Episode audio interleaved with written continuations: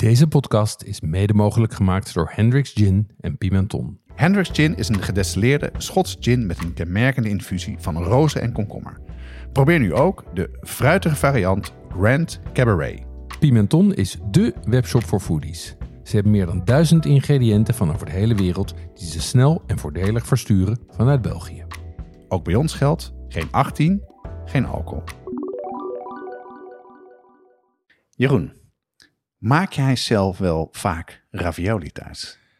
Ehm, ik heb een periode gehad dat ik geen kinderen had en het vaak deed. Toen eh, kreeg ik kinderen, toen heb ik het helemaal niet gedaan. En sinds een aantal jaren doe ik het weer. Oh ja? Want eh, het is eh, een van de favoriete dingen van mijn dochter om samen te maken. Oh, wat leuk. Die vindt het heel leuk om samen ehm, eh, eh, ravioli te maken. Maar dan wel altijd met dezelfde vulling. Dus ik moet daar niet mee gaan variëren. Gewoon met ragout en mozzarella. En dan vindt zij het top.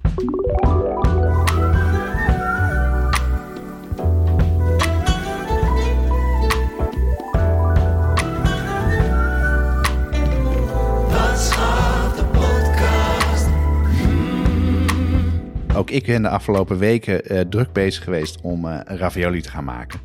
Eh, en we gaan het met, nu met jullie hebben over wat nou ravioli precies is. Hoe je het eet in je menu en andere zaken.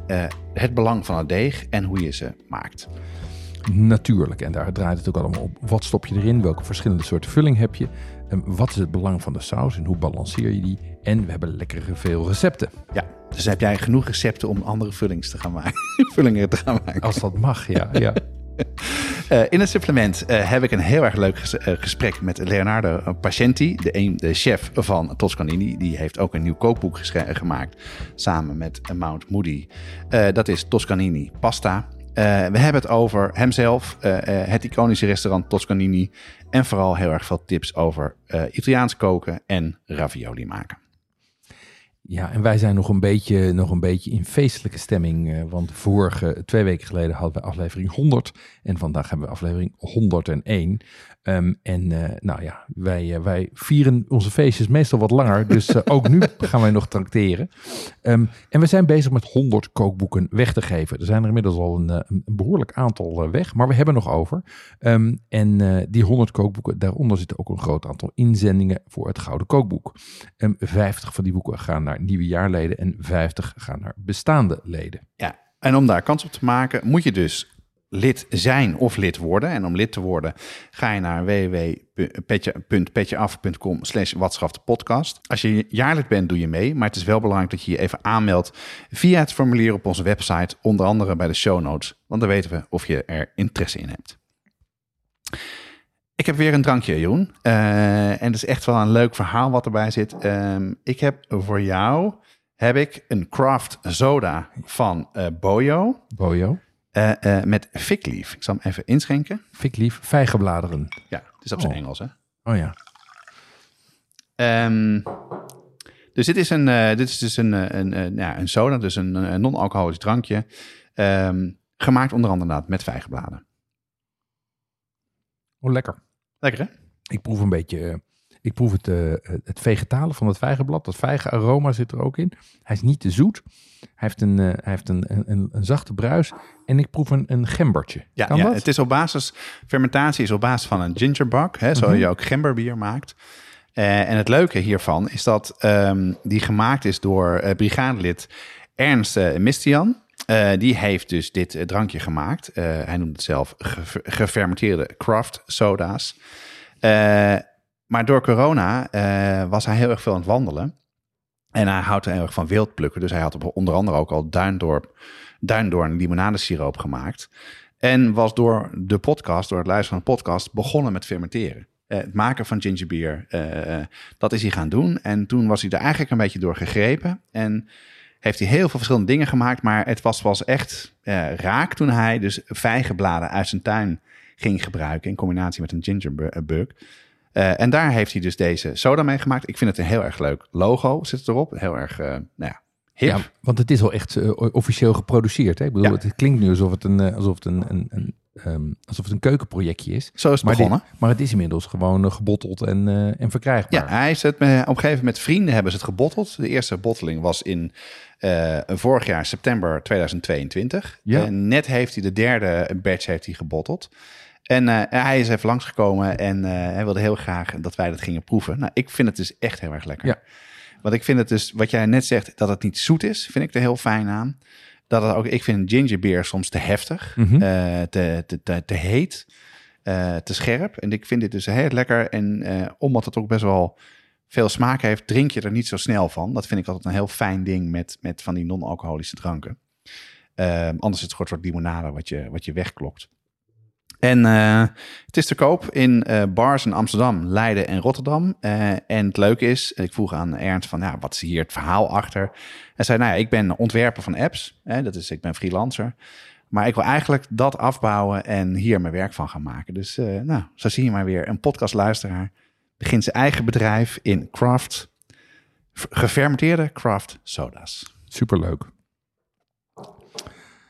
Ja, ehm, over hobby's eh, gesproken. Ehm, ik heb weer eens een boek gelezen. Een boek. Ik heb een boek gelezen, ja. En, en dit, was een, eh, dit is een boek over eten. Het heet National Dish. Mhm. Geschreven door eh, Anja von Brenzen. En zij is een gevluchte Rus. die woont inmiddels in Brooklyn met een huis in Istanbul. Eh, en ze, is een, ze is culinair journalist en schrijft voor allerlei Amerikaanse bladen en kookboeken. En wat interessant is, is dit boek gaat dus eigenlijk over nationale gerechten. En hoe een nationaal gerecht tot eh, ontstaat eigenlijk. En, en dat doet ze aan de hand van, van de ontstaansgeschiedenis van pot au feu, tapas, ramen, pizza, de Turkse mer, eh en borst. Ja, En waar ze zich eigenlijk vooral op concentreert is hoe wordt op een gegeven moment de keuze gemaakt om iets te bestempelen tot een nationaal gerecht. Want ja, hoe, wie kiest dat dan en waarom doen ze dat dan? grappig. Hè? Ehm, en wat ik daar heel leuk in vind, is dat, dat, dat er eigenlijk uit blijkt dat nationale gerechten helemaal niet iets zijn wat historisch is ontstaan of zo. Maar op enig moment is vaak vanuit politieke overwegingen gewoon, wordt gewoon gekozen om te zeggen van nou, wij willen ons als land manifesteren met een bepaald gerecht. Dus vanaf nu is dit het nationale gerecht. En dan omarm, omarmt de, de leider of de koning of de, de president het. Ja, ja. En vanaf dat moment is het dus zo. ja, dat is met Pat Partij gebeurd onder andere zo. Met partij. En nou ja, als je dit leest, dan zie je dus ook dat met portefeuille is gebeurd. En, eh, en, en tapas en ramen Ja. eigenlijk ook allemaal. Nou, ramen is natuurlijk eigenlijk eh, is dat Chinees. Ja. Precies, ja. ja, Dus, Leuk. En borst is natuurlijk heel actueel.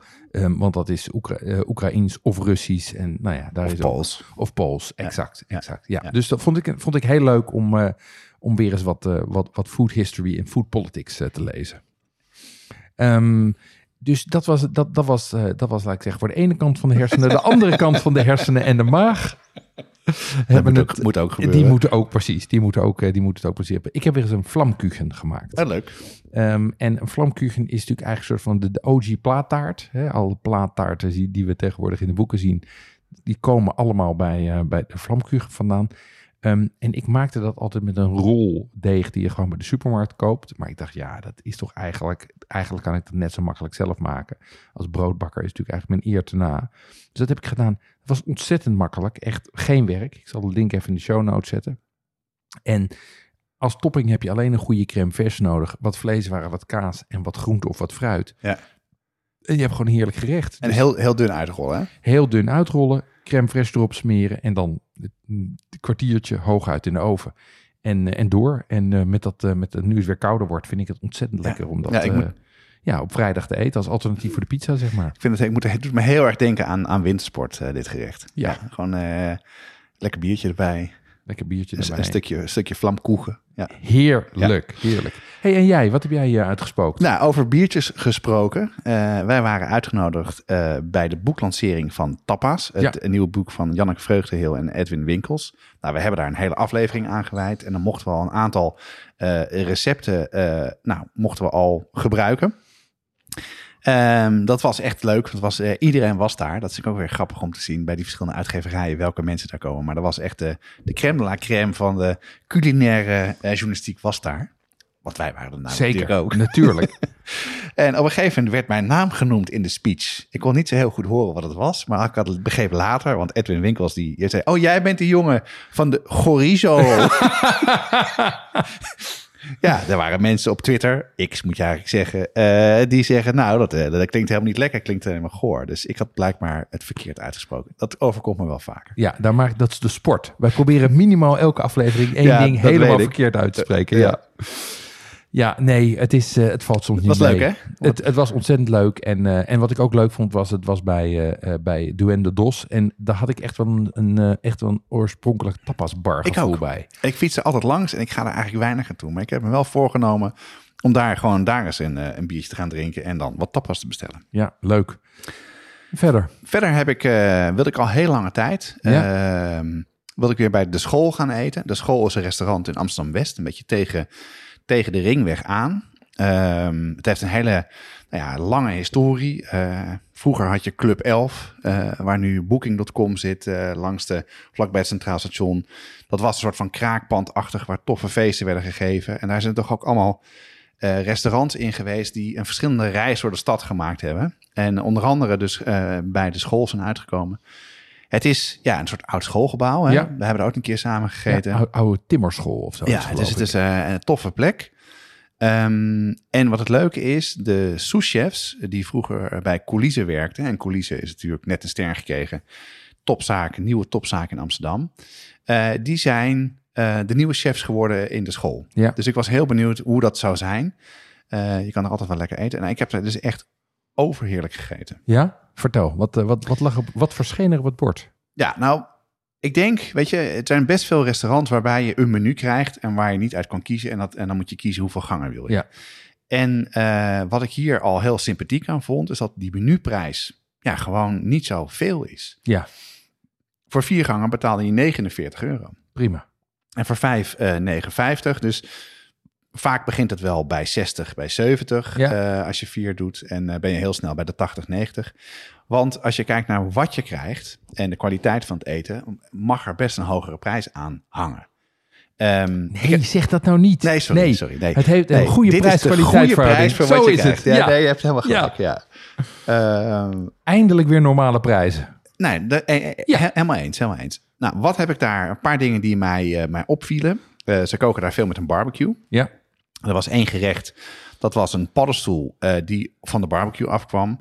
Maar die zat in een mousseline van gefermenteerd eekhoornsbrood. Dus je had aan de ene kant echt die hele lekkere umami smaak en het volle aardse wat dat gerecht heeft. Maar dan eh, nou, zat er ook een hele lekkere rooksmaak overheen van... Ja, volgens mij was het een bintan die er stond. Gewoon Zo'n Oké. Japanse barbecue. Zag ik zo snel. Als amuse een, eh, een soesje. Maar dat soesje was gevuld met, met paling. En er zat forel-ei op. En dat was een soort van smaakbom eh, van hier tot, eh, hier tot Tokio. Echt heel erg lekker. En eh, het hoofdgerecht was tof. Dat was namelijk konijn. Het waren Ja. twee soorten van konijn. Het was een ballotine. Maar daar was de konijn echt een soort van boterzacht. ja? Oh, dat is hap. knap. En het was gewoon, dat verdween gewoon in je mond. Dat is, daardoor was het extra lekker en voelde het ook veel rijker. En er zat ook een, een, een, een konijnenbout bij. Maar die was KFC-staal, was die gefrituurd met een hele lekkere harde korst. Heel veel smaak erin.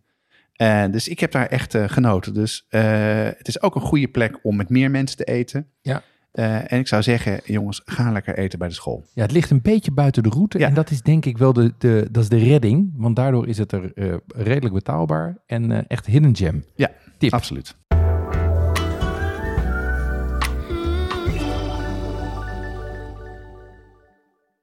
Op onze site hebben we ruim 400 recepten staan, maar voor meer dan 200 ingrediënten moet je toch echt even naar een speciaalzaak gaan of een toko. Ja, en vanaf nu kan je die dingen online vinden bij onze partner pimenton.be. Dat is de webshop voor foodies en hobbycooks. We hebben inmiddels al onze recepten gekoppeld aan een webshop. Bestellen gaat dus heel makkelijk. Het is alleen klikken op een link in de ingrediëntenlijst. Ja, en Pimenton zit in België, maar bezorgt in de hele Benelux voor 3,95. Ga naar pimenton.be om te bestellen. En leden van de brigade krijgen 12% korting. En de actuele kortingscode vind je onder andere in de nieuwsbrief. En ravioli, dat is eh, de bekendste van de gevulde pasta's. Ehm, misschien is het goed om even te beginnen. Wat is het eigenlijk, Jonas? Ja, ja, en dat is, dan zou je denken, waarom ga je dat vertellen? Want dat weten we toch wel. Eh, maar ehm, nu ik er wat langer ingedoken ben, eh, en zeker altijd met de Italiaanse gerechten, is er veel variatie. Nou, in essentie is het een verse pasta Ja. die gevuld is en die eet je met een saus. Nou, tot zover denk ik dat, ik denk dat iedereen dat wel weet. De bekendste vorm is een vierkantje met kartelrandjes met een soort bergje in het midden. Ja. Dat kan een klein, midden, groot vierkantje zijn. Je hebt Mhm. zelfs versies, eh, die heb ik nog niet gemaakt. Die wil mijn vrouw heel graag maken. Dat is een hele grote versie, een soort één persoonsportie. De TikTok ravioli. De TikTok ravioli, ja. Ja, ja. En dan even truffel scoren ergens. Ja. eh, want dat zat niet vaak bij de truffel, bij de TikTok dingen. Eh, maar die ga ik wel een keer maken. Eh, maar er zijn ook heel veel andere vormen. Je kan bijvoorbeeld in een, in een driehoekje vouwen. Of je kan er een halve maan van maken. Heel vaak zijn het rondjes wat je ook ziet. Ehm, en nou, dan kom je een beetje op het, een beetje het glijdende pad. is een Angelotti del Plin wat eigenlijk heel veel in de Piemonte komt. Dat is eigenlijk een beetje een soort van gedrukt. Is dat ook nog een, eh, een ravioli en tortellini's die anders gevouwen zijn. Maar in wezen zijn het allemaal gevulde pasta's met een hele lekkere vulling en een prima saus erbij. Ja, en oké, ik, ik heb nu een duidelijk beeld van wat voor ding het is. Eh, wa- wanneer eet je een ravioli? Hoe past het in een menu? Ja, en dat, dat is, als je traditioneel Italiaans gaat, is het een primi. Hè? Dus een pasta gerecht wat je als voorgerecht eet. Maar het leuke is wel dat je het echt eh, in elk soort menu kan maken. Eh, dat zei eh, Leonardo ook in zijn gesprek. Als je een beetje ravioli in de vriezer hebt zitten, het is een cadeautje, een soort snoepje in een menu. Je hoeft niet per se Italiaans menu te maken, maar een paar stukjes ravioli tussendoor is echt altijd wel heel erg feestelijk. Ja. Ja. En het is, en we komen een beetje, gaan een beetje richting de kerst, een ideaal gerecht voor je kerstdiner. Want je bereidt het van tevoren voor. Eh, het is heel feestelijk, het ziet er heel mooi uit. Je kan nou echt met stempels en dingen werken om het helemaal prachtig te maken met hoe het eruit ziet. Eh, dat zou ik dus zeker overwegen. Ehm, en als je het, eh, als je het eet, moet je ongeveer 100 gram per persoon rekenen. Wat ook met pasta wel zo is, alleen dit is 100 gram pasta plus vulling. Oké, dus het is echt een tussengerecht. Is een tussenrecht. Je kan het ook veel minder doen. Dan is het gewoon een smaakbommetje Ja. in je gerecht. En het draait allemaal. En dat is het leuke van het gerecht. Het is namelijk, je ziet niet wat erin zit. Nee. En als je ook niet vertelt wat erin zit, dan eh, proef je eerst de verse pasta, die hopelijk goed gebakken is, wat een lekker mondgevoel heeft, wat een beetje, ja, wat een saus overheen zit, die wat, die wat glibberig is, die smaak geeft. En dan bijt je hem door en dan begint je tong te proeven wat zit daarin. En omdat die vulling stevig van smaak moet zijn en eigenlijk de ster van de show moet zijn, die moet het gevecht winnen van de saus, die moet Mhm. altijd erbovenuit stijgen dan is dat gewoon ja, een lekkere verrassing. En dan kan je daar dus, en dat heb ik dus nu gemerkt, je kan er alle kanten mee opgaan met vullingen. Dus je eet het eh, nou, op het Italiaans of als lekker zelf. Ja, weet je, ik heb nu best wat in de vriezer liggen. Zodra ik eh, zin heb, kan ik het even eruit pakken. Ja. Ja, lekker. Jij bent het dus veel meer gaan maken hè? Mhm. Eh, met je dochter. Ben wel benieuwd wat jij daarvan, wa- wat je daarvan geleerd hebt. Wat voor keuzes je daar, daar eh, maakt. Nou, even teruggrijpen op wat jij doet. Bij mij is het ook echt iets voor het kerstdiner. Ehm, eh, want het is wel, ik gebruik het vooral bij, eh, bij etentjes waar ik, waar ik een beetje wil uitpakken. Ehm, dus, ik bedoel, je hebt natuurlijk enerzijds een soort van de, de, de, de, het samenspel tussen de vulling en de saus, die maken het interessant. Maar ik vind het wel altijd veel werk. Tenzij je het natuurlijk in de vriezer hebt liggen, maar je bent er toch echt wel even mee bezig. Het is best werk, ja. Ehm, en, eh, en wat mij betreft hoort het dus wel bij de feestelijke etentjes. Want het is ook, ik bedoel, het is niet genoeg als maaltijd. Dus je moet er altijd nog een hoofdgerecht nadoen. Het is warm, dus ik begin er ook niet mee. Dus je zit al meteen aan drie, vier gangen. Dus wat dat betreft is het, eh, is het voor feesten en partijen. Ja. Hey, ehm, eh, als we even kijken naar wat het gerecht nou eigenlijk is. Hè? Wat, wat, zijn dan de, wat zijn de belangrijkste onderdelen van, eh, van, een, eh, van een ravioli? Ja, ik denk dat er, dat een aantal, dat er viertal dingen heel belangrijk zijn. En die wil ik graag ook even met je behandelen. Als eerste is dat de deeg. De tweede, en ik denk het allerbelangrijkste, is de vulling. Ja. Eh, dan komt het tijdrovende en ook het leuke. eh, de vormen, het maken daarvan. Dan kan je heel veel kanten mee opgaan. En niet onbelangrijk, wat voor saus moet je er nou bij maken? En eh, waar moet je daarbij op letten? Ja, ja, we hebben eerder al een aflevering over pasta gemaakt. Die heb jij toen ook gedaan. Ehm, en jij hebt heel veel verse pasta gebruikt. En wat ik me kan herinneren is dat er heel veel varianten zijn. Welk deeg gebruik jij voor een ravioli? Ja, dat was voor mijn eerste echt soort inzicht wat ik niet had verwacht. Eh, want eh, uit die verse pasta aflevering komt vooral uit... je gebruikt 0.0 eh, deeg, dus heel, heel, erg, heel erg bloem met ei of eierdooiers. Ja. En hier doe je dat eigenlijk niet. Wat je hier beter is om te doen is dat je, dat je sowieso voor 50-50 bloem semolina gaat. En semolina is de harde tarwe. Ja. Daar wordt vaak gedroogde pasta van gemaakt. Is ook veel geliger. Lijkt een beetje op griesmeel. Of, uh, dus het heeft ook een harde korrel. Ja, geeft ook wat meer bite, hè? Ja, en dat is precies ook waarom je dat uh, gaat doen. Want uh, je wilt een aantal dingen voorkomen. Je wil voorkomen dat het deeg... je wil dat wel dat het deeg heel dun is. Ja. want anders wordt het te veel deeg qua verhouding vulling en is het minder lekker te eten. Maar die, de deeg mag niet scheuren. Oké. Dat is gewoon de hel. Weet je, als jij het aan het vormen bent en er komt een scheurtje in, dan, ja, dan kan je het eigenlijk uit elkaar halen Ja. of weggooien. Want Ja. In de pan gooien, loopt het uit elkaar en is het gewoon weg. Ja. Dus dat is één ding. Dus het, eh, het maakt het wat steviger. En als je echt het hele deeg met, met ei gebruikt, ja, kan dat dus een, een risico zijn. Maar wat je net zei is het allerbelangrijkste. Je wil graag dat het smaakvol is. Dus die smaak wil je ook in het deeg halen. En eh semolina is gewoon smaakvoller. Het brengt meer smaak. Eh, het is gewoon meer als vergelijk maar met bloem en volkoren. Er zit gewoon meer gedeelte nog in, in, erin. En dat geeft ook een ander soort structuur. Dus het is niet zo super glad als je normaal zou hebben, als je bijvoorbeeld tagliatelle zou maken. Maar het zit ook een beetje een soort van weerstand in het deeg. En dat is, dat is waarom je dat eh, meer gebruikt. Dus je ziet altijd dat het bijna 50-50 is. Of soms eh, is het wat meer bloem en minder semolina. Ik zou zeggen, ga voor meer dan 50-50 verdeling van bloem en semolina. Dus meer semolina. Meer semolina. Ja. Dus jij zegt een deeg met veel semolina en hele eieren of eigele? Gewoon hele eieren. Soms Ja. misschien wel een klein beetje water als het, eh, als het te droog is. Gewoon druppeltjes. Ik doe dan meestal mijn hand onder de kraan en dan druppel ik een paar druppeltjes in de deeg. En verder is het heel simpel. Het is in dit geval 100 gram bloem in totaal. Dus bloem en semolina bij elkaar. En één ei. Ja.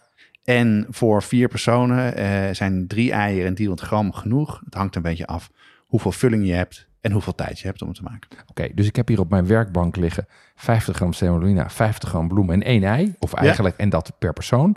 Hoe ga ik dan aan het werk? Ja, nou, de, de, wat heel erg helpt, dat heb ik in ieder geval gemerkt. eh, ik heb een houten pasta werkblad gekocht ooit. Oké. Denk je, nou, is onzin. Nou, ik gebruik het dus echt super vaak voor Oh, broodbakken en onder dit. Want het geeft namelijk meer structuur het, eh, en het houdt meer... Deeg blijft er minder aan plakken en je kan er makkelijker op kneden. Nou. Je maakt een bergje van, van het meel. Met een, eh, een lepel of een vork maak je een gat in het midden. Eh, daar doe je de eieren in. Zorg dat er genoeg ruimte zit, dat het niet door de dijk heen breekt. Ja, Met de vork ga je van bij de eieren zo langs de zijkant en zorg ervoor dat er steeds wat meer bloem bij komt. Op een gegeven moment is het een bol, kneed eh, en dan doe je het, eh, en dat is heel belangrijk, dan leg je het eh, minimaal een half uur afgedekt weg, zodat, het, zodat het, ja, de vocht uit het ei kan hydrateren in, in de bloem. Ja. En dan wordt het een wat soepelere deeg. Dan rol je het uit tot flappen. Bij die flappen moet je vooral de breedte goed in de gaten houden. Hè, met als je gaat vormen, zullen we zo uitleggen. Probeer die een millimeter dik te krijgen of dunner als dat lukt, zonder dat het gaat scheuren. ja.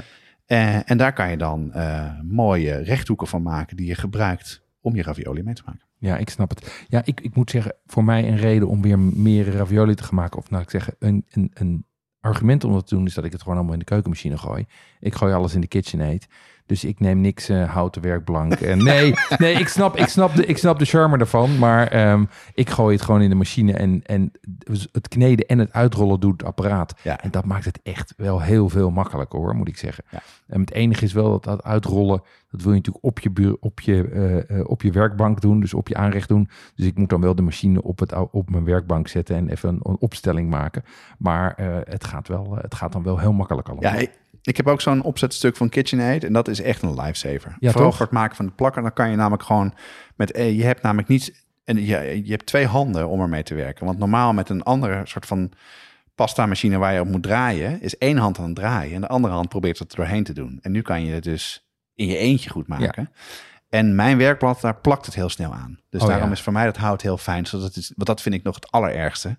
Heb je heel erg je best gemaakt om mooie plakken te maken. En dan ga je het verwerken en is alles aan elkaar geplakt. En dan kan je weer opnieuw beginnen. Oh ja, want jij doet dat uitrollen en het vormen ook op dat hout. Ja, Oh, Ja, dat ja. ga ik ook proberen. Ja. Ja. want dat herken ik wel. Ja, dat je ineens, je het allemaal netjes hebt neergelegd, dat je net iets te lang wacht. zeker. En dat dan, oh ja, en dan zit de vulling er al door, dus kan je het deeg ook niet meer hergebruiken. Oh, het krijg wel getraumatiseerd ben ik. Het valt mee, Jeroen. Het valt mee. Het is Eh, echt goed te doen. En het, goed, dus dan hebben we, die, hebben we die plakken daar liggen. Daar gaat, moet dan een vulling op. Hoe krijg je die goed? Ja, en dat, eh, dat is, kijk, de kern, dat zei, al, eh, zei jij en ik al een paar keer, de kern van een, van een ravioli is de vulling. En die moet, daar moet je dus even goed weten wat het eindresultaat moet zijn. Eh, het moet een homogene massa zijn. Ja. En eh, die moet dus niet te vloeibaar zijn. Want als je het dus op het deeg doet en het gaat uitlopen, dan word je helemaal gek. Ja, want dan, dan gaat hij helemaal plakken. je helemaal en niks ja, doen. Nee, Eh, maar het moet ook weer niet te grof zijn, zodat het qua mondgevoel als je het eet niet lekker is. En dat moet een beetje binding hebben. Het moet een beetje bij elkaar blijven. Ehm, wat ik een hele goede tip van Leonardo vond, als je gewoon zelf gaat werken en je, hebt, je bent er wat bedrevener in geworden, is de richtlijn: neem hetzelfde hoeveelheid gewicht van de vulling als van het deeg. Oké. Dus als jij eh 400 gram eh, deeg hebt, dan heb je 400 gram vulling nodig om eh, ravioli mee, mee te maken. En de essentie is dat het heel goed hoog op smaak is. Het hoeft niet te zout te zijn, maar het moet heel erg lekker zijn. En al, het is bijna altijd al gaar voordat je het gaat verwerken, want je kookt die ravioli maar heel kort. En er mag dus bijna geen vocht in zitten. Dus als jij bijvoorbeeld gewerkt met, eh, met spinazie, dan moet je die echt knetterhard uitknijpen. Want anders ga je hetzelfde krijgen. Dan loopt het eruit en dan is al je werk voor niks geweest. Ja. ja, nee, dat snap ik. Al die, al die problemen die heb ik inderdaad ook gehad. Ehm, eh, ik doe er dus altijd ragout en, en mozzarella in. Maar wat doe jij erin? Ja, dat, eh, ik vroeg aan Leonardo, onder andere, kan je tips geven voor thuis ravioli maken? En hij zei, waarom zou je dat eigenlijk doen? nou ja, Ja. Hij, heeft natuurlijk een ravioli-lijn die ik bij hem kan kopen. Zeker. Dat was volgens mij wel een van de dingen. Maar hij zei wel iets heel slims. Kijk, het is. Laten we het gewoon ook he- helder hebben. Het, is, het maken daarvan is best wat werk. Ik heb zo echt wel wat tips eh, waardoor het veel simpeler en sneller gaat. Want dat vond ik echt wel een lifesaver, maar dat zal ik zo uitleggen. Maar eh, wat hij zei is, waar begin je? Je begint met wat je over hebt. Oké. Dat vond ik echt heel erg interessant. Hij zei, heb je een stoofgerecht gemaakt? Heb je bijvoorbeeld buff bourguignon gemaakt? Gebruik dat dan als vulling. Of heb je eh, broccoli over? Of heb je groenten over die je gebruikt hebt? Maak daar een vulling van. Oké. En dan is er vooral eh, de vraag van ja, je moet dus dat, en die vulling moet een structuur hebben. Dus vaak is een keukenmachine, is keukenmachine wat je doet. Eh, en je moet het dus eh, eh, dan een beetje gaan binden. En daar zijn eigenlijk een aantal dingen die je kan gebruiken. Je kan er dus kaas doen, heel vaak ricotta. Ricotta, ja. Want dat geeft ook, heeft ook een beetje een fris. Er zit ook een beetje een klein zuurtje in. Dat geeft wat frissigheid eraan. En ricotta smelt lekker eh, als het die ravioli eh, gekookt wordt. Dus dat geeft ook een bepaalde romigheid aan de saus eh, als je hem eet. Maar je kan het ook gewoon paneermeel gebruiken of een, een ei gebruiken of, of nog andere dingen. En dan kan je zelf een saus erbij maken. En nogmaals, die saus is echt ondersteunend aan de vulling. Maar dat vond ik wel echt een hele slimme tip. Dus als je eten over hebt, besteed even een paar, vijf minuten aan. Draai tot een massa. Doe het in een spuitzak. Doe het in de vriezer of in de koelkast. En dan kan je, als je deeg klaar is, gewoon zo ravioli maken. Ja, ja. Gooi je nooit meer wat weg. Ik maak dus altijd ragout met mozzarella, want dat moet voor mijn dochter. Eh, eh, we- we- welke, welke tips of welke inspiratie heb je voor mij om wat anders te doen? Nou, ik denk dat het leuk is om even te beginnen bij de meest bekende versies. Ehm, en ehm, een aantal van deze recepten komen ook uit het kookboek eh, van, van Toscanini. Die zijn ook allemaal op de website. Maar laten we beginnen bijvoorbeeld met ricotta en sp- spinazie. Ja. Dat zijn allemaal groente-gebaseerde vullingen. Die eet je met een boter saus. saus. Ehm, bij die eh, ricotta spinazie is het zo dat eh, die spinazie even wordt aangebakken in, in, eh, in, in olijfolie met knoflook. Mhm. Het vocht eruit halen. Je mengt het met best wel veel ricotta. een beetje parmezaan. Je bindt het met een ei. Doet er wat nootmuskaat bij. En dan, dan doe je het in een kom. En dan gebruik je een lepel om het te, te maken. Of in een spuitzak. En eh, dan maak je dus een saus van boter en salie en ben je klaar. En ik heb het laatst gemaakt. Het is zo in elkaar gedraaid. Tien minuutjes werk. En het is heel erg lekker. Die nootmuskaat heeft iets aards. En dan is het toch die spinazie, vind ik altijd een hele lekkere groente. Ja, classic. Ja. Eh, spinazie. Mijn dochter houdt niet van ricotta. Houdt niet van ricotta. Nee, houdt niet van Houdt ze wel ricotta. van hutekezen. Eh, nee, want dat is hetzelfde. Alleen dat heeft, had ze door dat dat hetzelfde is. Maar, oude kaas wel? Maar, eh, Nou, ja, mozzarella, is toch, wel, ja. mozzarella is toch helemaal Mo- prima. Nee, mozzarella is wel goed. Maar Ja. wat kunnen we nog meer erin doen? Nou, wat je nog meer kan doen als je met groenten werkt, als je veel au- aubergines hebt, een versie met aubergine, een vulling van aubergine en walnoten. Hè? Eh, de walnoten die rooster je even in de oven. Ja. eh, tot ze wat, wat, eh, ja, wat, wat verder zijn. Dan geven ze natuurlijk ook smaakvoller. Dan aubergine in, de, in de oven. Zoals je ook gewoon gemaakt met à la norma. Ja, in, in ja. stukjes, veel olijfolie eroverheen. Aanbakken. Oh, niet poffen in zijn geheel, maar gewoon in, in blokjes, zeg Ja. maar. Volgens mij kan je allebei doen. Maar goed, dat, eh, dat zo, zo is het, het recept. Ehm, en dan bind je dat met pecorino. Het moet een beetje structuur hebben in een keukenmachine. Klaar. Oh, nice. Dit is een heel herfstig gerecht. Ja. Heel herfstig. Dit vind ik een goeie. Ja. Lekker. En een andere heel bekende, die, eh, die heb ik in het verleden best wel vaak gemaakt. Dat vind ik ook heel lekker. Ook met de herfst, is met pompoenen. ja. Dan heb- gebruik je amaretti koekjes bij of amandelen. Dus de pompoenen, eh, die nou, pof je weer in de oven. Eh, en dan maak je een, een saus met citroen, parmezaan en paneermeel. En dan doe je dus die, ja, die bitterkoekjes uit Ja. Italië. Die harde bitterkoekjes. Oké. Of amandelen. Ja. Dat geeft een heel lekker soort zoetig, eh, Ja. bittere tegenhanger van, eh, van een pompoen. Ja. Citroen is er lekker doorheen. Paneermeel om het een beetje te binden. Saus. Oké. Bob's En- your uncle. Ja, maar Amaretti, ik krijg hier een beetje een pumpkin spice Nee, het is vibe echt heel van. Ik heb eh, het, het is, dit is dus- lekker? Dit, dit is een van de meest klassieke eh eh pompoen Echt waar? eh, eh, ravioli gerechten die er zijn. Ja. Oké. Heb je nog in de vriezer liggen? Ik heb niet meer in de vries. Oh, jammer. Jammer. Maar wat ik wel leuk vond in het kookboek staat is dat je dus als je geen amaretti koekjes kan vinden, dat je gewoon wat amandelen gebruikt. En dat vind ik dan wel een mooie tip eh, Ja. daarbij. Want daar is natuurlijk vooral van gemaakt. hey, en en eh, ik, krijg hier eh, eh, enorme seizoensvibes van. Zijn, die, zijn die vullingen een beetje gekoppeld aan de seizoenen? Nou, dat weet ik niet zo goed. Maar, maar wat ik wel zelf merkte, want ik had paddenstoelen gevonden in het bos. Ja. En dan is het probleem vaak, dat je moet sowieso nooit te veel plukken. Je moet gewoon genoeg plukken voor wat je hebt. Maar als je geen zin hebt om dat meteen te kunnen doen, dan moet je dat verwerken. Ja. Dus je moet het of invriezen of drogen, of in dit geval ravioli van maken. Oké. En dan de ravioli invriezen. En dan heb je niet alleen maar de paddenstoelen, maar dan heb je gewoon meteen een heel gerecht. Dat kan je natuurlijk ook prima doen als andere groenten, eh, als je daar wat meer van hebt, of in de aanbieding zijn, of in het seizoen zijn. Dus dat kunnen dus eh, sowieso eh, pompoen zijn of spinazie, maar snijbiet kan ook heel erg. Het maakt eigenlijk niet zo heel erg voor uit. Ehm, ik zal mijn recept van de paddenstoelen op de site zetten. Eentje is met ricotta, andere zonder ricotta. Toen ik de vulling proefde zonder ricotta, vond ik het lekkerder. Oké. Vindt mijn dochter ook lekkerder? ja, hè? Begrijp ik. Ja. Eh, maar toen we dat proefden, eh, toen het gekookt was, was die met ricotta eigenlijk. Oh ja? Want in- op een of andere manier, want eh, met ricotta, die, die verhult een beetje de smaak van de koud, een beetje de smaak van de paddenstoelen. Maar warm wordt het dus heel erg romig. Versterkt hij het? Ja, ja, ja, dat snap ik. Ehm, het, het is natuurlijk heel belangrijk dat die vulling smaak heeft, maar ook de juiste structuur. Ehm, eh, je zei net al, je kan er een ei bij doen, maar dat is natuurlijk als je dat is dat is als je laat ik zeggen, als je binding nodig hebt. Ehm, kan je ook dingen doen om, om te zorgen dat die, laat ik zeggen, dat je een droge component erin brengt? Want als je spinazie hebt, heb je wel iets nodig wat een beetje, Absoluut, een beetje bij absoluut. elkaar brengt. Ja. Nou, wat je dus heel erg ziet is kaas. Ja. Eh, en dan is ricotta heel veel, maar ook parmezaan of pecorino. Of mozzarella, wat je prima kan doen. Of zoals eh, Leonardo eh, zei, maakt niet uit wat voor kaas je hebt. eh, ga, ga je gang. Pitjeskaas, maakt niet uit. Nou, ja, moet je natuurlijk Blauwe wel, kaas. moet die komijn natuurlijk wel een beetje passen bij, Ja. bij je vulling. Aardappel wordt heel erg veel gebruikt Oh ja, slim. om het mee te binden. Nou, de ei of een jus van een saus, maar dan moet je opletten dat die jus dus niet te dun wordt. Eh broodkruim en paneermeel komt heel erg veel voor. Maar essentie is eigenlijk wat ik al eerder zei. Het moet een structuur hebben en geen vocht. Dus let op met dingen die binden dat, je, dat het niet te nat wordt.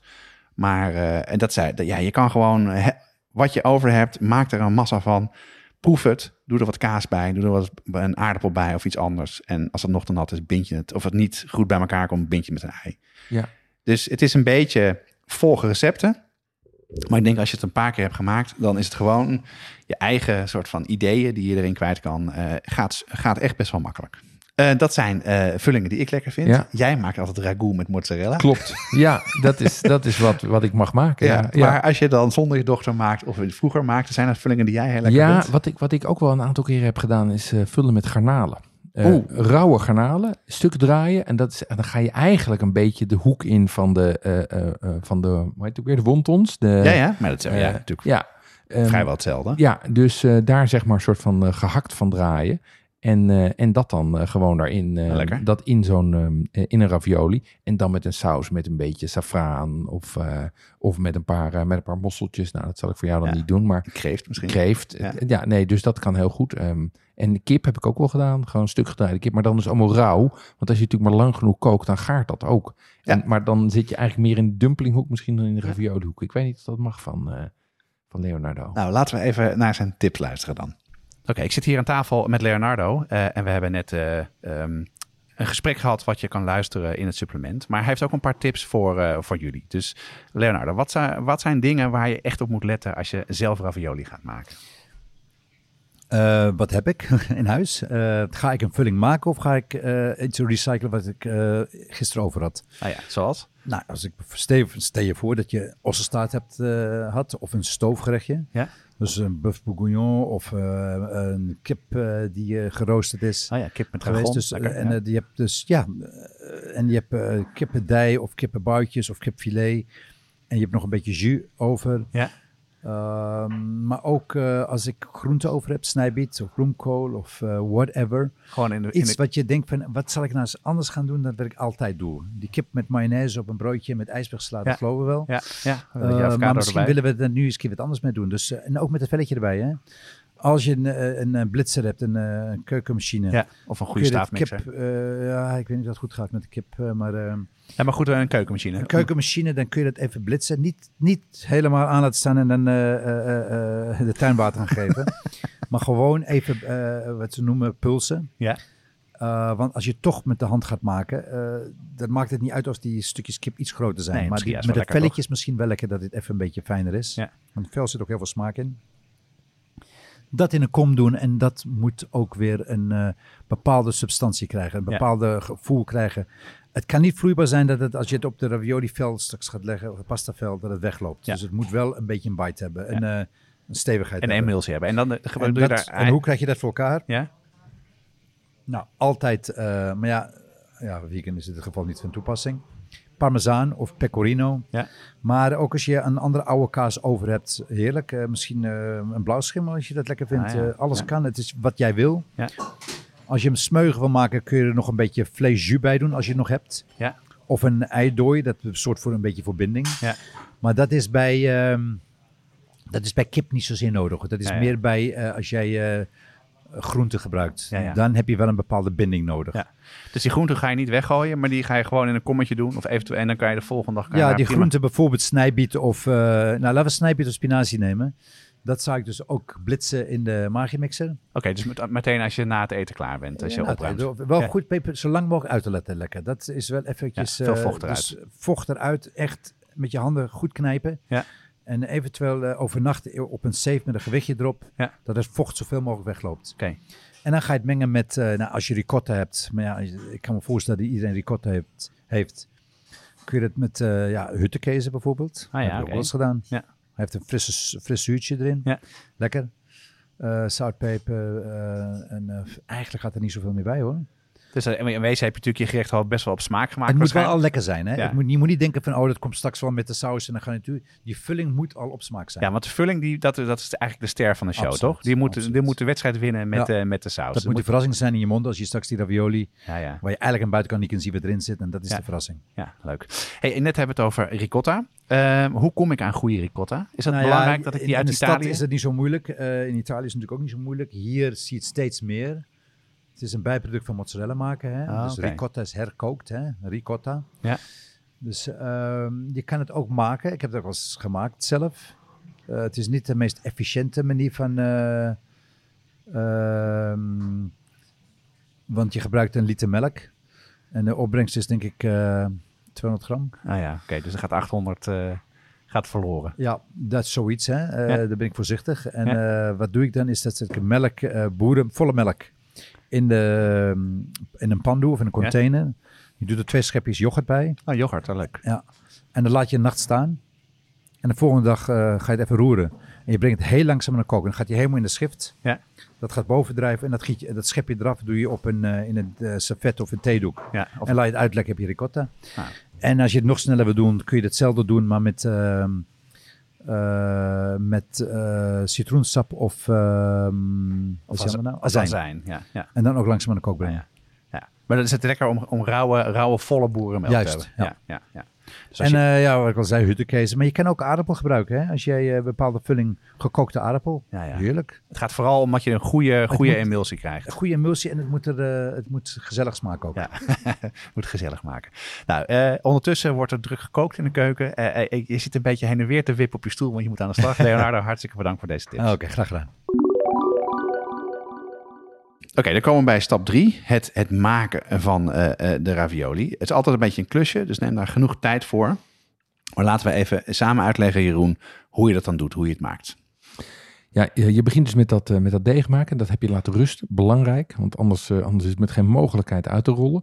Ehm, dat rol je uit in, in vellen, waarschijnlijk met een apparaat. En als je chic bent zoals wij, met een apparaat dat je op de KitchenAid zet. Of, een, of je rolt gewoon met de ja, hand. Kan met- ook dat kan ook, ja. Ja. Eh, en, maar als je het met zo'n ehm, met zo'n eh, pasta machine doet, moet je het even met z'n tweeën doen. Want anders kom je er niet uit. Heb je gewoon de hand te weinig.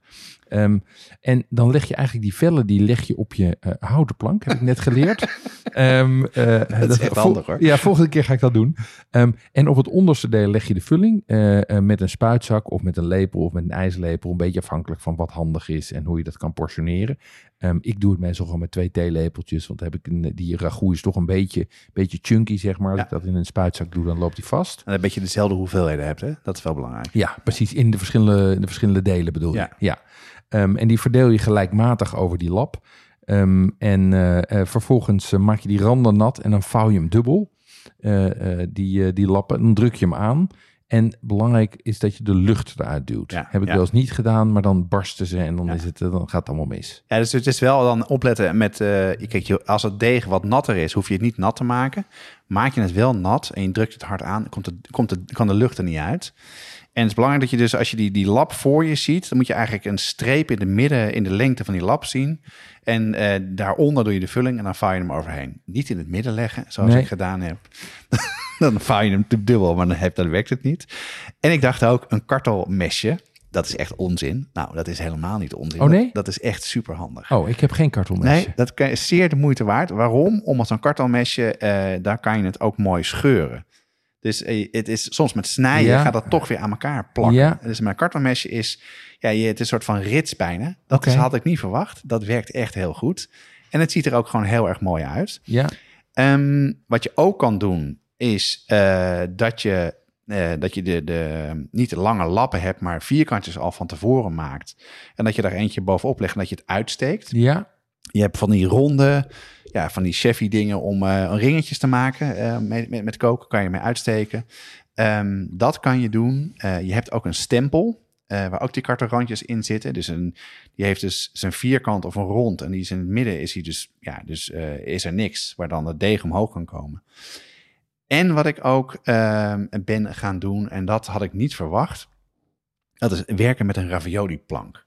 Oh ja, die, heb ik altijd, die heb ik altijd gezet in de hoek bij de speculaasplanken. Van leuk, leuk om op te hangen in de keuken, maar, maar ik- kan je daar wat mee dan? Ja, dat heb ik dus gedaan. Ik denk, Ja. ik moet het even proberen. Ja?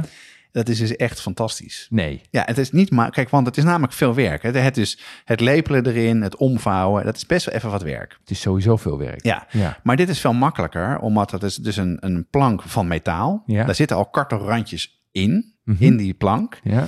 En er zitten holletjes in voor, eh, ja, het lijkt een beetje op eh, mensen die, als je poffertjes maakt, zo moet je het ongeveer Of een zien. eierrekje, zeg Ja. maar. Ja. Eh, je legt dus een, la- een lap deeg erop. Je duwt het een beetje erin. Dan weer met de manier waarop je de vulling erin wil doen, verdeel je over dingen. Legt een lap deeg daar overheen. Ja. Pakt een, je dru- drukt het goed aan. Pakt een deegroller en ramt daar overheen. Daarmee komen de kartelrandjes er al in. Draai je hem om. Druk je hem nog goed aan. Haal je die eh, plank eraf. En dan heb je allemaal eh, dingetjes. Die zijn zo klaar. En ik heb En, dus. en dat werkt. Het werkt echt supergoed. Ah, Dat scheelt echt de helft van de tijd. Oké. Alleen, eh, ze zijn, deze waren best wel wat klein. En het was wel even een soort focus of, of een beetje uitvogelen hoeveel moet je doen. Want eerst hadden we veel te veel vulling gedaan. Dus ik heb een, nog een deegrol, eh, een, een bal deeg nog in de vriezer gedaan. Voor Ja. de volgende keer ravioli. Maar dat werkt heel erg goed. Dus, dus in dit geval het gear echt wel aan te raden. Dus zeker zo'n eh, zo'n zo'n eh, zo'n rolletje, zo'n kartonrolletje en zo'n plank. Ja, dat eh, is, eh, is ook niet zo duur. 10, 15 euro. Valt hartstikke mee. dat klinkt hartstikke goed. eh, want ik hoor dus een, een houten plank. Die heb ik, maar die gebruik ik nooit. Een kartelmesje. die heb ik niet. Die moet ik wel hebben. En een ravioli plank. Ja. Ja. Ik zou het zeker doen. Ge- geef jij even links. eh, eh, als we die, kunnen we die op de, kunnen we die even in de show notes Ik zetten? zal even, eh, even kijken welke een selectie maken en, en de show notes zetten. Super, Zeker. handig. Dan kan ik ze bestellen en onze luisteraars ook. Ehm, eh, zoals ik net al zei, het is bij mij ook niet altijd goed gegaan. Wat, jij hebt heel veel gemaakt. Wat, wat zijn de, de, de grote valkuilen? Nou, wat, ik, wat we al een paar keer aangeven, hoeveel vulling eh, en wat werkt daarin? Ik zou toch echt steeds meer gewoon zijn spuitzak nemen. Oké, Nadeel van een spuitzak is wel dat als je het spuit, dan moet je het afknippen, want dat valt niet helemaal los. Dus dat is nog best wel een ding. Ehm het dikte van het deeg. Te dik is niet lekker. Of als er een soort van ja, vouwen in zitten, dan wordt het dan, eh, heb je te veel deeg. Maar scheuren wil je helemaal niet. En uitvogelen of het nou gaat plakken of niet. Want als je dan zo'n plank omdraait en je haalt hem omhoog... en dan valt het uit elkaar. Omdat het niet aan elkaar geplakt is, is ook de hel. Eh, eh, jij hebt zo'n eh, zo'n zo'n zo'n apparaat voor op je KitchenAid. Die, standen op. Tot welke stand ga jij meestal? Helemaal tot de laatste. Tot, de acht. zeven of acht. zelfs. Acht is dat. En volgens mij is dat een halve millimeter. Oké, Ja. en dat valt niet uit elkaar. Nee, gaat prima. Want ja. dat is die semolina die Dat het sterk wel, houdt. ja. Ja, Ah, dat denk ik zeker, ja. Oké. En het is ook, ehm, je moet het niet te nat hebben. Dat is vooral mijn ervaring eh, met pasta maken als het deeg te nat is. Wat best kan hè, met eieren, want eieren zijn in verschillende groottes. ja, Ehm, ja, als het te nat is, plakt het overal. En dan ook aan die roller kan het dan gaan ja en dan word je gek. Dan word je, en als het te dun is, gaat het sneller. Ja, Ja. Ja. Het, goed, we, we waren bezig bij de, bij de, bij de afdeling fuck-ups. nou, nog waar, meer? waar het, eh, dus wat jij al zei, het vouwen kan helemaal misgaan. Wel of geen lucht eruit. Eh, kan je een beetje dezelfde omvang maken. Nou, zo'n plank helpt daar heel erg. Ja.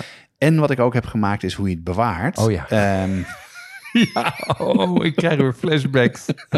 want eigenlijk als je het zelf maakt, dan moet je het dezelfde dag opeten. Dat is wel zo. Want als je het langer gaat bewaren in de koelkast, dan komt de, de, het vocht uit de vulling, gaat in de deeg zitten. En op een gegeven moment is dat ook de hel, gaat Ja. er te veel plakken. Eh, maar je kan het allerbeste invriezen. Want eh, je kan ze gewoon bevroren in de pan gooien. Dat gaat, dat scheelt misschien een halve minuut of een minuutje meer. Dat werkt heel goed. Maar hoe je ze invriest, is wel belangrijk. Dus wij hadden eh, van die paddenstoelen ingevroren. Ik deed de, de vriezer open. En mijn vrouw had het gedaan. Zij vindt, we hebben dus heel veel samen gedaan. Het is inderdaad echt heel leuk om samen te doen. En ik zie die bak, eh, die zak waar al die ravioli in zitten. En het is één soort klomp geworden. Met alles aan elkaar geplakt. Ja, maar ja, ik, ik, ik heb dat zelf een keer gehad met een kerstdiner. Dat ik, ik denk wel 40 raviolis had gemaakt. Die ik gewoon, zeg maar, losjes op elkaar had gegooid. In de koelkast had gezet. En twee uur later was dat één groot amalgaam van deeg en vulling. En, en het was ook niet meer te redden, zeg Nee, maar. dat- Omdat dat het allemaal door, dan kan je het echt weggooien. Ja. En, ah, Maar de, de beste eh, techniek, en dit is eigenlijk, eh, die tip heb ik van eh, onthouden van Leonardo. Ehm, dat is namelijk dat je ze dus ehm, in nou ja, ovenschalen of gewoon wat niet te hoge schalen legt. Dat je daar vetvrij papier, papier onder en tussen zet. Ja, ze dus niet op elkaar legt met genoeg wat meel eroverheen. Dat dan eerst in de vriezer tot Ja. ze bevroren zijn. En dan kan je ze dus Ja. eruit halen en Ja. dan in een zak doen. maar zo doe ik het ook. Ik heb van die, eh, ik heb van die eh roesvrij stalen plateautjes. Precies, van die slagersplateautjes, zeg maar. En daar leg je ze dan gewoon op. En die zet je in de vriezer. En dan vriezen ze ook sneller. En dan daarna gewoon in een ziploc bag. Maar ze vriezen ook vast aan die, aan die plaat, kan ik je vertellen. Dus het is wel handig om daar ook een vetvrij, Vetvrij papiertje, onder te papiertje, ja. Of genoeg meel. Dus er kan genoeg misgaan. Maar het resultaat, wat ik wel gewoon echt, eh, dat vind ik het magische van, van dit soort dingen. De simpelheid die erin zit. Eh, als je het kookt en je hebt een lekkere saus erbij, is het gewoon echt top. Ja, maar het, is, het komt natuurlijk ook door die verrassing. Het is natuurlijk toch een beetje dat toverbal kinderei gevoel. Zeker. Dat als je denkt, wat zit erin? En er zit wat lekkers in, is dat altijd fantastisch. Deze keer geen salmiak. Nee. nee, amaretti nog erger, ja. Je vindt het gewoon niet lekker, dat is het. ik, ik, ik, ik, moet het, ik ga me ervoor openstellen. Um, alright. We hebben inmiddels prachtige raviolis in de vriezer liggen. En daar gaan we een saus bij doen. Wat, eh, eh, hoe maken we die? Ja, wat heel belangrijk bij die saus is, is dat die ondersteunend is. Eh, het is gewoon zonde als je, eh, nou, als je bijvoorbeeld een eh, osselstaart over hebt en je gaat er ravioli mee maken en je gaat een osselstaart saus erbij doen. Dus dezelfde smaak in de saus als in de vulling. Ja, dan heb je, kan je beter gewoon pasta Ja. daar, daarbij gebruiken. Ehm, je probeert een balans te zoeken. Eh, met de saus en het gerecht. Dus dat is heel erg wel die, die boter saus. Dat is een hele mooie balans tussen wat vettig en een beetje Nou, dat, dat, de, de, aromatische, en dat accentueert wel een beetje het gerecht. Maar je kan ook naar contrast gaan. Bijvoorbeeld, je, een bekende vulling is met eh, gestoofd vlees, mortadella en prosciutto. Komt veel in het noorden van Italië voor. Het is best wel heftig van smaak. Kan- vlees, mortadella en prosciutto. Ja. Vlees op vlees op vlees. hebben we ooit een keer gemaakt bij de, de pasta cursus van oh, dat eh, is waar, ja. Sarah, ja. ja. Ja, en dat zij werkte had- goed. Ja, en zij had daar een pesto gemaakt van pistache en peterselie. Oh ja. Dus dat is veel frisser en veel. En daar zat zelfs nog een beetje burrata overheen. Dat zou nu niet meer mogen van de burrata-politie. Nee, nee, Ja. Burrati Mafia. Maar dat is dus weer meer een contrast. Dus fris versus heftig. Ja. Dus in die zin, citroen kan je er best wel wat bij doen. Dus, ehm, maar er kan daar dus eh, veel kanten, kanten mee opgaan. En, en wat hier ook belangrijk is, eh, wat in, in, met pasta sowieso is, is het romig maken van de saus, de mantecare. Of zoals Leonardo zegt, gezellig maken. Ja, Ehm, want je wilt dat die saus plakt aan de ravioli en dat het niet ligt in een hoeveelheid saus. Dus Nee. je moet namelijk een hap nemen en dan moet je de smaak van de saus ook mee kunnen nemen als je het, als je het eet. Ja. ja en, en, en wat wel goed is, want we hebben nu een paar keer die klas, klassieker genoemd van boter met salie. Misschien is het goed om eventjes uit te leggen hoe je die goed maakt. Eh, Want dat is eigenlijk heel simpel. Ehm, kijk, de essentie is natuurlijk dat je iets hebt wat romig is, wat zoet is en wat het aards en dat geurende van die salie combineert. Ehm, en wat ik altijd doe, is ik zet de boter zachtjes op. Dan gaat de salie erbij. Niet dat die uit elkaar begint te vallen, maar wel dat die zeg maar heel zachtjes borrelt en die smaak Ja. goed overdraagt op die, eh, op die salie. Ehm, en dan een klein beetje kookvocht erbij. Ehm, eh, eh, je kan een klein beetje azijn of een drupje citroen erbij Ja. doen. Ehm, en dan doe je hem met die ravioli in de pan, mantecade, goed roeren. Niet zo goed roeren dat je stuk roert, maar wel dat Nee, ze een dat beetje dat die saus niet. een beetje bindt. Nee. Eh, eh, en dan een heel klein beetje als saus toevoegen op het bord. Hè? Want Ja. het hoeft er niet in te zwemmen, zeg maar. Het is Nee. echt een, het is een coatingje. Ja, want dat vind ik het dan wel met boter, vind ik dat wel, dat kan dan echt te, te, te veel worden. Eh, maar wat ook leuk is, dit is dan bijvoorbeeld boter met salie, maar je kan ook werken met tijm, of met roosmarijn, of Ja. met saffraan. Ik denk aan een krabvulling of een kreeftvulling met een boter saffraansaus. Lijkt me best lekker. Lekker, ja, ja, ja. Beurre noisette, hè, is ietsje steviger. Oh, ja. ook lekker om erbij te doen. En helemaal ontrend. Ja, en wat, ook, wat ik ook heel erg leuk vind aan de Italiaanse keuken is... eh, het is vaak een menu hè, met verschillende stappen. Je hebt het hoofdgerecht misschien vlees of vis. Dat heb je misschien aangebraden. En dan die, die, die, de aanbraadsels van in de pan... dat je die even afblust met wat wijn of met wat jus of iets anders... kan ook een prima saus zijn om erbij te doen. Geeft heel veel smaak. Ja. En dan hergebruik je eigenlijk iets wat je later in het menu ook gaat doen. En dan geef je al een beetje voorschot op het gerecht ook. Ja, Zeker. Moet leuk. natuurlijk wel dat vlezen pas, eh, vleesige passen bij de inhoud. De inhoud moet dus echt dan wel stevig zijn. Eh, je kan een lichte jus maken. Eh, wat je ook veel ziet in recepten. dat je iets stooft en dat je het stoofvocht uiteindelijk zeeft. En dat je dat er, er een beetje bij doet. Dus dat heeft dan iets minder intense smaak dan de vulling. Kan je prima doen. Je kan het met of in bouillon doen, in brodo. Ja. Dat gebeurt veel met tortellinis. Ja, En veel in het noorden. Ook heel erg lekker. Of je kan het maken met, eh, met een pesto, zoals we het net over hadden, of gewoon in een tomatensaus. Ja. Dus je kan alle kanten op gaan, als je er maar voor zorgt dat de saus niet overheersend is, maar ondersteunend. Dat Ja. is echt wel het allerbelangrijkste. ja die, die brodo die vind ik in kerstmenu's heel leuk. Omdat het dan iets dat een beetje in zit tussen een primi en een, eh, en een soep, zeg maar. Ja, ja. Hè, dus heb je een, eh, gewoon een bouillon met zo'n... ik, ik doe dan zo maar, maar één of twee raviolis. Die zeg maar gewoon puur voor, voor het spektakel zijn. Ja. Ehm, en die tomatensaus is ook leuk. De, de, de ravioli die ik tot in den treuren met mijn dochter heb gemaakt. nee, maar die, die vindt hem dus lekker met, met eh, eh, kort gestoofde verse eh, kersttomaatjes. Ik kan me goed En voorstellen. dat balanceert natuurlijk ook goed met die mozzarella enerzijds Ja. en met dat vlees anderzijds. Ja, en maak je hem dan ook een beetje AOP? Dus even eh, een knoflook, teen in de olie en een klein, Ja, heel klein pepertje erbij voor nee, dit. geen pepertje. Pepertje verboden, maar dat zit bij mijn dochter. Ehm, eh, nee, maar, maar, wel met, maar, maar wel met van die tomaatjes die dan net een beetje zeg maar, hun vocht verliezen. Waardoor je een saus krijgt die ook net dat frisse, heeft. Klinkt goed. Super lekker. Ja, Ja. ja, ja. Ehm, nou, heb je nog één recept dan? Heb je nog iets, eh, nog iets leuks voor ons? Ja, ik heb een heel leuk recept wat ook uit het eh, kookboek komt van Toscanini. Toscanini, Toscanini pasta. Dat is een ravioli gevuld met ricotta, pecorino en met een saus van paprika. Paprika. Ja, dus hier is de vulling vooral eh, kaas. Ja, Eh, en dat is uitgelekte ricotta. Dat is ook wel heel belangrijk trouwens, dat je die ricotta uitlekt en niet uh, uit, het uh, uit het bakje meteen gebruikt. Nou, het is ongeveer een verhouding 2 op 1 ricotta pecorino. Dus meer ricotta dan pecorino. Een beetje citroenzest, en zout en peper. Dat is de Oeh, vulling. Nice. Ja. Ja, die zie Vol ik wel. lekker. De saus maak je als volgt. Je roostert een paprika in de oven of in een vlam. Ja. Hè, eh, dat hij helemaal blakert. Ja, Doe je hem in een zak, zodat eh, je daarmee even hem afsluit en hij gaat stomen. En dan het velletje goed loskomt. Mhm. Maar er komt ook heel veel vocht uit. En die vocht die vang je ook op. ah, Daar zit heel veel smaak dat gooi ik meestal weg. Nee, moet je dus niet doen. Dan eh, doe je de vocht, dus heb de vellen eraf gehaald. De- met de vocht draai je die paprika's tot een saus. Ja, Doet best wat balsamico erbij, dus best wat frisser Ja. en zoetig erbij.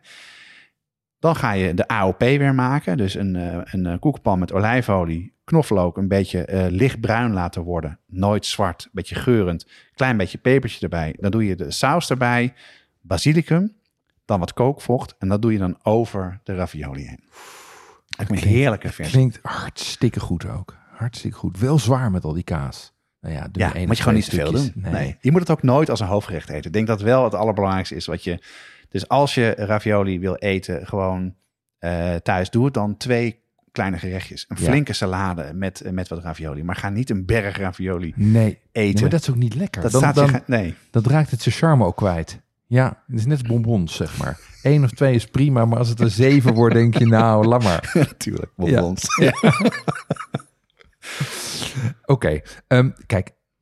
Ravioli maken is gewoon een weekendproject. Of een project voor feesten en partijen. Het, Ja. is, niet, het is niet iets wat je... Tenminste, ik doe het niet door de week. Ehm, het, het, is dus, het is eigenlijk niet moeilijk. Zeker niet als je luistert naar de tip die, die we jullie net hebben gegeven.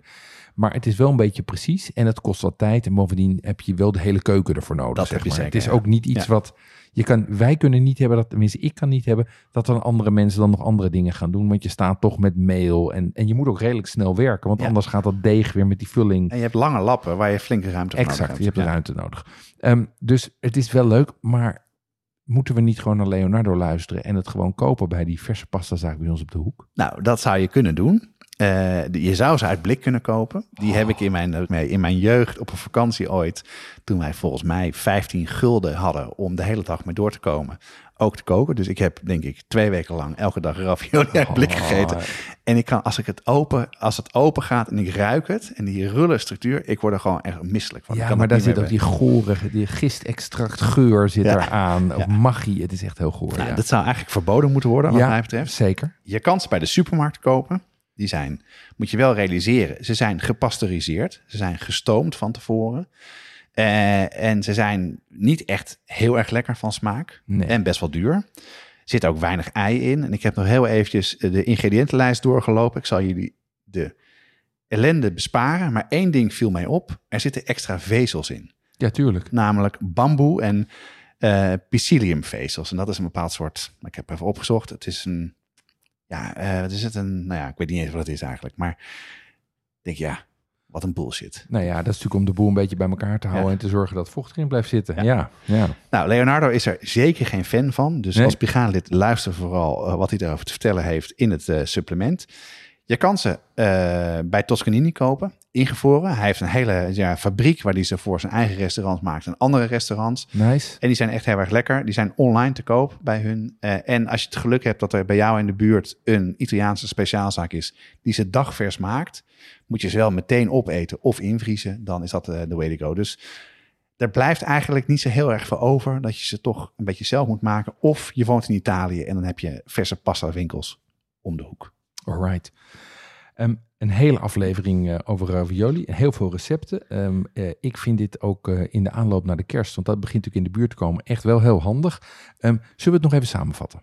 Ja, dus de allerbelangrijkste tips zijn onder andere gebruik ander deeg dan je misschien gewend bent en gebruik meer semolina. Geeft meer smaak, het geeft meer structuur. Alles draait om de vulling. Als je die ja, gaat maken, moet die al helemaal af en smaak zijn en de saus moet ondersteunend zijn. En ik zou zeggen, investeer in een pastasnijder, een stempel of een ravioli plank. Dat maakt je leven een stuk makkelijker. En die plank is echt, echt wel een, eh, een goede, goede tip. Ja, dit kan copy-paste naar mijn eh, verlanglijst. Hartstikke goed. Ehm, die vulling, die kan je dus eh, naar een recept maken of je kan zelf iets bedenken. Ehm, hergebruik ook vooral wat je over hebt. De stroofschotel, groenten of dingen uit de tuin. Paddenstoelen als je die zelf geplukt hebt. Ehm, en dan is het natuurlijk gewoon hartstikke leuk om op een, uh, op een zondagmiddag een hele partij te maken. En die in te vriezen. En die in de etentjes in de loop van de winter langzaam maar zeker uit te serveren. Ja, en dan invriezen. Echt opletten dat het niet een grote klomp wordt. Want dan ja, goede tip. ga je huilen. Huilen. Um, voor de luisteraars van de gratis podcast zit erop voor deze aflevering. Voor de brigade gaan we langer door met het supplement. Ja, en je hoorde hem net al even. Uh, Jonas heeft in het uh, supplement een gesprek met Leonardo Pacenti van Toscanini. Um, ze hebben het onder andere over uh, Toscanini als restaurant. Dat is toch wel een instituut, ja, een belangrijke zaak. Absoluut. Italiaanse zaak. Um, ze hebben een prachtig nieuw kookboek, Toscanini Pasta genaamd. En hij heeft heel veel tips voor, voor ravioli en pasta maken. Als je ook lid wil worden van de brigade, dan ga je naar petjeaf.com slash podcast en meld je aan. Deze podcast wordt gemaakt door Jonas Nouwen en Jeroen Doucet. Met uh, veel dank aan Leonardo Pancenti voor uh, zijn tijd en zijn recepten. Het team bestaat verder uit Natasha Roda, Katja Workel, Anita Tazelaar, Paul Veldkamp en Jesse Burkunk. De muziek is gecomponeerd door Nico Brandsen en Ton Dijkman en wordt uitgevoerd door Mel Vintage Future. Ciao. Tot de volgende keer.